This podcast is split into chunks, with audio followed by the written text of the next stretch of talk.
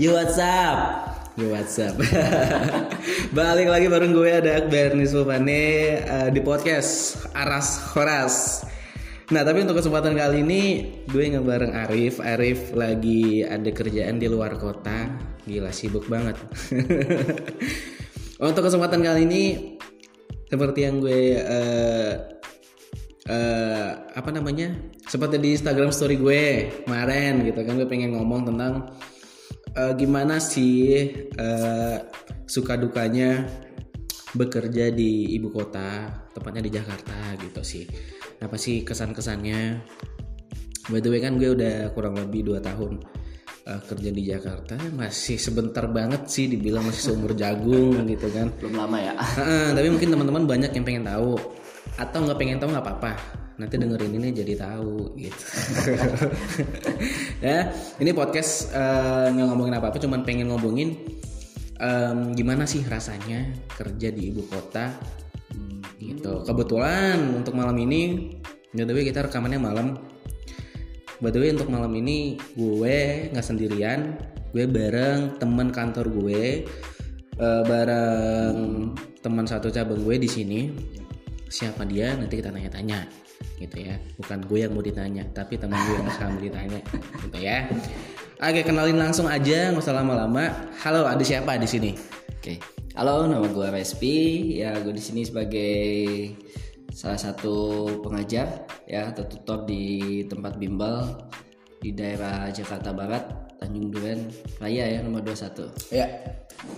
Oke ada Respi Uh, lu berarti sebagai tutor di salah satu bimbel ini ya? Iya betul betul. Nah mungkin buat kalian semua guys uh, yang belum tahu belum banyak tahu, um, kita kerja di salah satu uh, bimbingan belajar yang ada di Jakarta, tepatnya di Jakarta Barat di Jalan Tanjung Duren Raya nomor 21 gitu. Jadi kita bergerak perusahaan ini bergerak di bimbingan belajar dari SD sampai dengan SMA kita terima tuh gitu. Nas Ya nasional, nas plus internasional. Tapi lebih ke eksaktanya. Eksakta betul. Jadi khusus spesialisnya eksakta matematika, fisika, kimia gitu ya. Promosi nih. Promo sedikit nggak apa-apa lah. Jadi buat ibu-ibu bapak-bapak yang ada yang punyai putra putrinya yang ingin dimasukkan ke bimbingan belajar boleh lo hubungi saya. Jadi bimbing ya? Iya. Bimbing ke mana tuh? Aduh, bimbing ke jalan yang benar. Oke, ngaco ngomongannya. Ah, berarti lu memang udah sebagai tutor di ya. bimbel ini ya? Ya di bimbel itu tutor. Oke. Berarti sebelumnya lu kerjanya sebagai apa gitu? Apa ucuk ucuk ucuk ucuk langsung ke Jakarta jadi pengajar gitu? Ceritain dong. Hmm. Nah kalau sebelumnya sih gue di si di daerah ya di Subang. Oh lu dari Subang? Ah, Oke, gua dari Subang. dari Subang. Oke. Hmm. Gue sempet jadi pengajar juga ya beberapa tahun sambil gue kuliah kan gue sambil ngabdi lah sambil Subang ngajar. tuh, Ah. oke. Tapi kalau pekerjaan terakhir gue sih posisi terakhir gue di admin teknis di oh ya salah satu perusahaan yang pendornya PLN di sana gitu. Orang ketiga. Nah, Ya, gitu. ketiga. Ya, ketiga. Sebutannya gitu nggak sih? Iya betul betul. Oke. Ma- Jadi apa tadi? Admin teknis kan. Admin teknis. Iya, Oke. teknis. Di salah satu uh, vendor di Subang. Di Subang di Vendor PLN. PLN. Iya. Oke. Baik, kenapa memutuskan untuk hijrah ke Jakarta dan menjadi seorang tutor? Itu pertanyaannya. Nah, kalau mau ditanya kenapa harus memutuskan pindah ke Jakarta gitu kan ya? Nah jelas sih ya. Kalau banyak orang pun pasti akan berpikir, wah daerah Jakarta gitu kan dari segi UMR dan penghasilan pasti lebih besar, gitu kan ya? Eh, itu faktanya sih. Ya faktanya seperti itu kan ya dia pengen Tapi- mengadu nasib lah mendapatkan sesuatu yang katanya lebih baik dari daerah. Tapi ya, Benar. hmm, Tapi nyatanya di lapangan kan, eh, tiap-tiap orang berbeda-beda. Nah. Apalagi kita anak kos. makanya pakai mie apa ya? makannya setiap hari, makannya Iya. pakai apa itu belum tentu. Biasa ada mbak ya, nasi warteg sepuluh ribu. Oke, bisa buka-bukaan. Oke, terus Oh, iya iya iya iya. kenapa memutuskan untuk pindah ke Jakarta tuh? Selain dari segi UMR, terus gim- emang di Subang itu kenapa sih gitu? Hmm. Nah, sebetulnya ya kalau bukan hanya itu sih ya, bukan hanya dari segi UMR itu karena kalaupun hitung-hitungan ya sama aja lah gitu kan orang kita hidup di sini tetap ada biaya lain-lain juga kan. Iya malahan kan bukannya kalau di Subang itu ada rumah sendiri kan? Iya, itu. ada keluarga. Nah, tuh itu. bukannya lebih enak lagi. Lebih hemat ya. kenapa malah memutuskan untuk ke Jakarta? Nah, ya. ngekos lagi. Nah itu. Ya enggak Ya, sendiri makan sendiri ya. Nah kenapa? Nah, yang jelas sih ini sih dari pribadi gua nih. Motif pribadi gue sebetulnya pengen mendapatkan sesuatu hal yang lebih di sini, lebih di sini adalah buat pengembangan diri gua sekaligus buat nyalurin keilmuan gua lah, dapat hal yang lebih, keilmuan yang lebih luas lagi, Oke. gitu kan. Pengalaman yang lebih lagi. Secara kan kalau di Jakarta itu lebih ya wawasan dan apa pun lebih terbuka dibanding di daerah. begitu ya Iya. bisa dibilang berarti bukannya di daerah eh, eh, peluang itu nggak ada tapi Iya, ada peluang tapi di, di di di ibu kota mungkin peluangnya lebih besar Lebih lagi. besar lagi, itu tapi tergantung orangnya lagi sih ya Cocok betul. Iya, kalau memang dia udah ke Jakarta tapi dia eh, Iya, nggak bisa lihat peluang, Nah. yang kaum rebahan aja ya sama aja gitu loh ya kan. Eh, kayak cowok sekarang tuh rebahan aja nggak Iya. ngapain aduh. Eh, rebahan ya, Ya, Twitter aja, lari. ya nggak sih? Eh, Berarti tergantung orangnya lagi sih ya mau di daerah ataupun mau di eh, ibu kota, di kota besar gitu. Itu dia. Balik ke orangnya lagi ya. Balik lagi segala sesuatu balik ke diri kita pribadi tergantung keyakinan dan kemauan kita tekadnya sekuat Plan, apa itu. eh, eh, dia plannya mau apa sih? Nah itu betul. Lainnya mau ngapain sih gitu? Berarti lo di Jakarta ini udah bisa dibilang berapa lama? Ya kalau setahun sih belum ya, tapi jalan lah menuju setahun lah udah. Jalan setahun ya? Ya jalan setahun lah. jalan setahun. Apa yang lu rasain selama satu tahun di ibu kota? Gitu. Banyak yang bilang ibu kota itu lebih kejam dari ibu tiri. Benar gak sih? Ibu kota lebih kejam dari ibu tiri katanya. Ya, kejamnya di mana ya? Makanya gue bilang kan tergantung orang lagi. Iya, gimana eh, menanggapi, gimana menghadapinya itu gitu kan. Gimana responnya lah. Nah betul. Sebenarnya kan segala sesuatunya kan tergantung bagaimana cara kita menyikapi terhadap hal atau sesuatu apa pun yang ada di hadapan kita gitu kan. Heeh.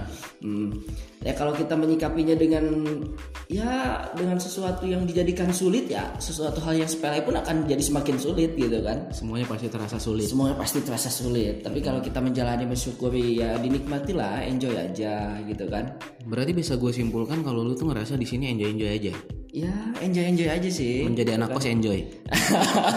Makan sekali sehari enjoy. Makan sekali sekali ya, ya itu diet bay. Oh itu dia. Oke, nggak gitu juga, Bay. Modusnya diet. Modusnya diet. Padahal jaga kantong. Anjay. Nasib anak kos. Buat kalian mungkin yang anak kos mungkin ngerti lah. Katanya gini ya kalau anak kos. Jadi mereka tuh bangun siang tuh bukan karena apa tuh? Bukan karena malas-malasan. Bukan karena males-malesan. Uh, tapi buat biar sendiri rapel untuk makan siang. Makan siang sama makan pagi disatuin gitu. Sarapan sama makan siang ya. Nah itu. Oke. Berarti kalau dari lu sendiri enjoy enjoy aja ya. Enjoy enjoy Kerja di aja. Jakarta ya. Enjoy aja. Nah, berarti selama satu tahun di Jakarta gitu, gue pengen tahu dong kesan-kesan lu sebagai tutor di bimbel. Iya.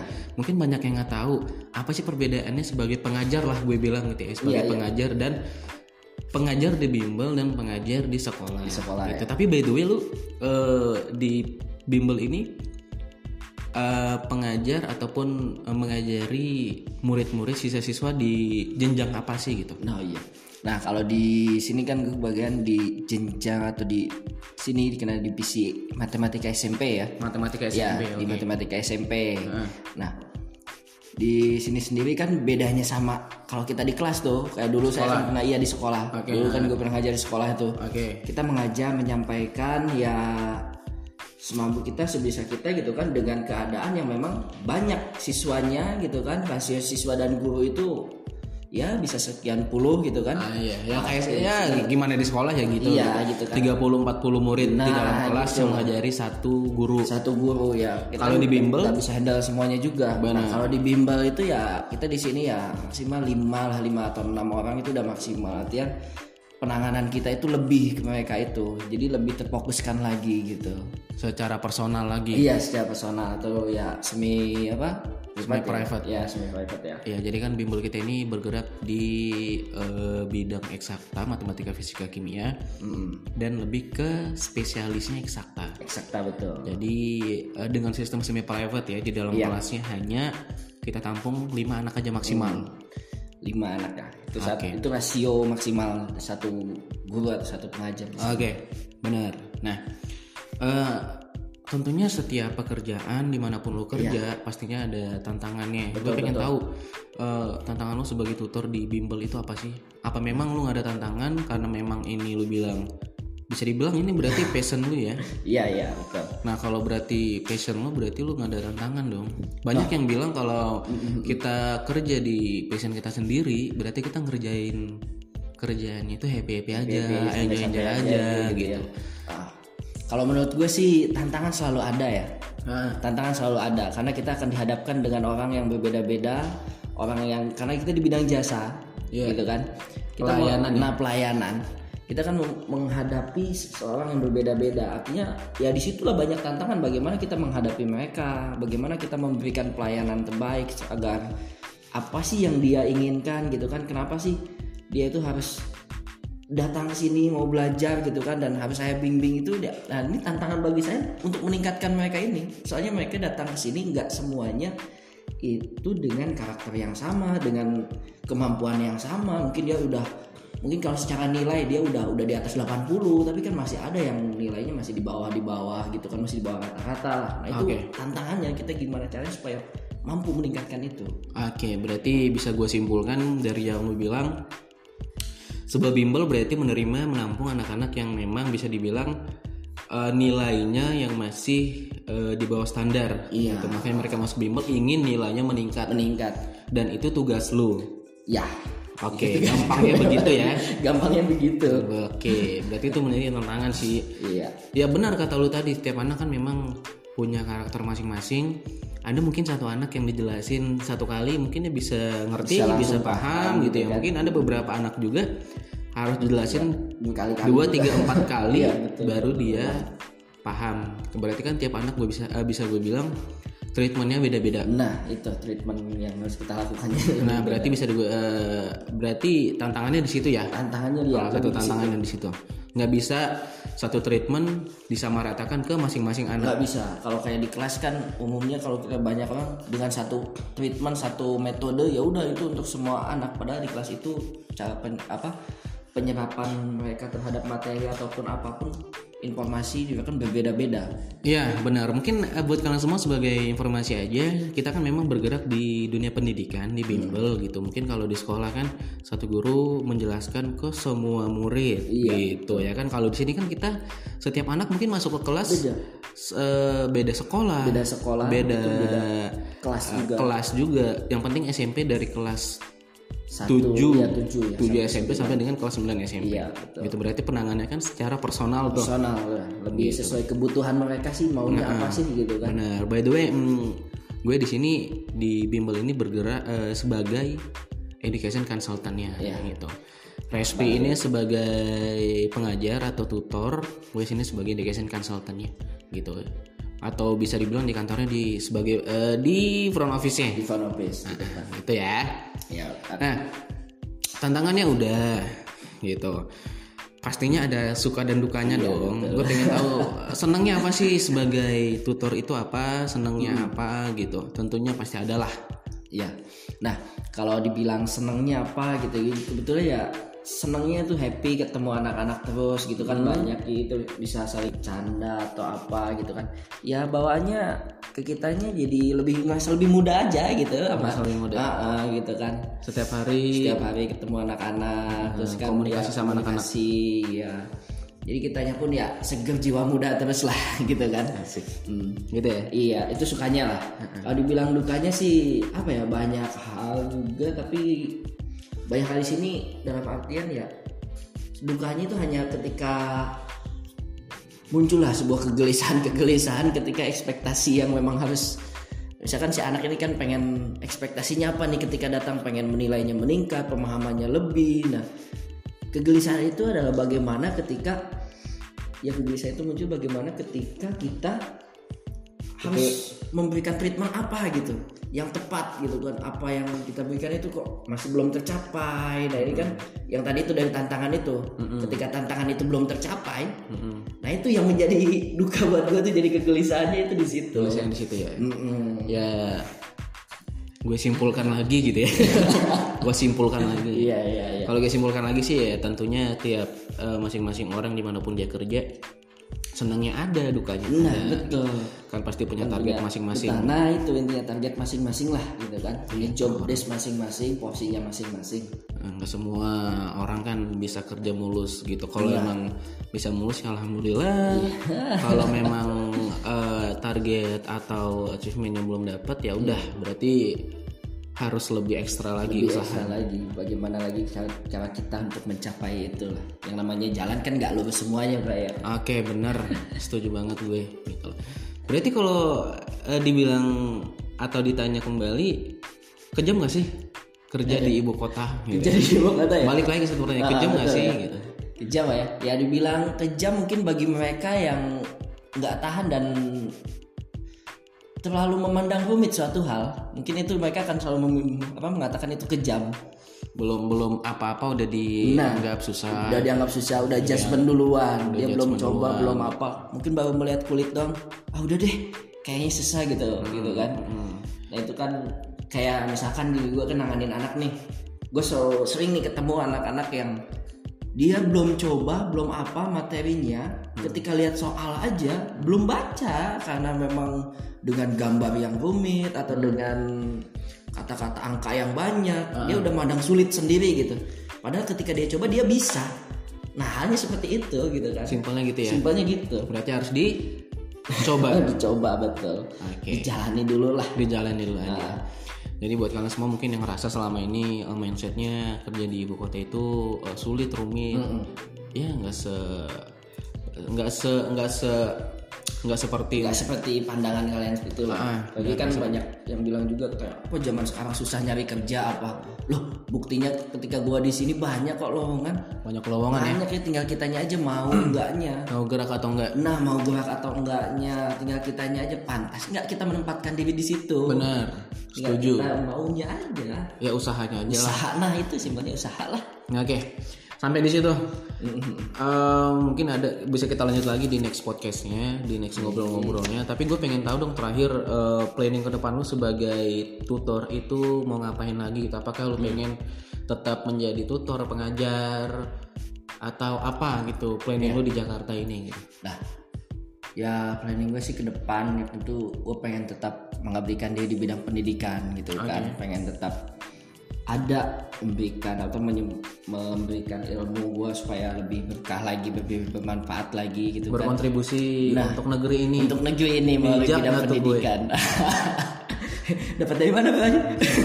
iya dong. Itu sebagai anak gue eh, ingat kata Mbak Nana. Akrab banget gue kayaknya.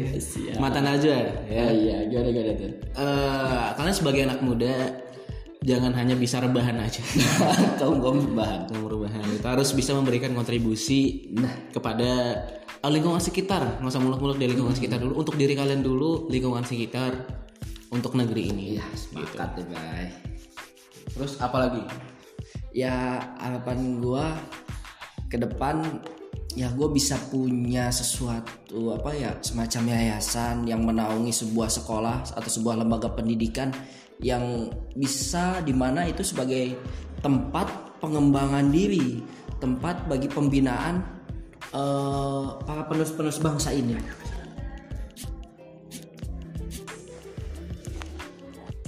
Nah itu dia bincang-bincang uh, gue dengan Respi. Uh, selanjutnya bakalan ada lagi podcast bareng beberapa pengajar ataupun tenaga ahli lainnya yang ada di uh, bimbel ini. Ya mungkin buat kalian semua yang masih uh, pengen tahu gimana sih uh, rasanya kerja di ibu kota gitu ya. Nggak apa-apa, nantikan selanjutnya. Makasih buat denger dari podcast yang pertama bareng Arif. Nanti Arif setelah selesai dari luar kota bakalan gabung lagi bareng gue gitu ya. Kita bakalan ngobrol-ngobrol lagi. Dan next podcast selanjutnya gue bakalan bahas-bahas lagi tentang eh, pekerjaan sih. Gue pengennya itu ya. Makasih buat kalian semua yang udah dengerin baik di Spotify dan eh, apa pun itulah. Oke, terima kasih buat kalian semua. Assalamualaikum warahmatullahi wabarakatuh.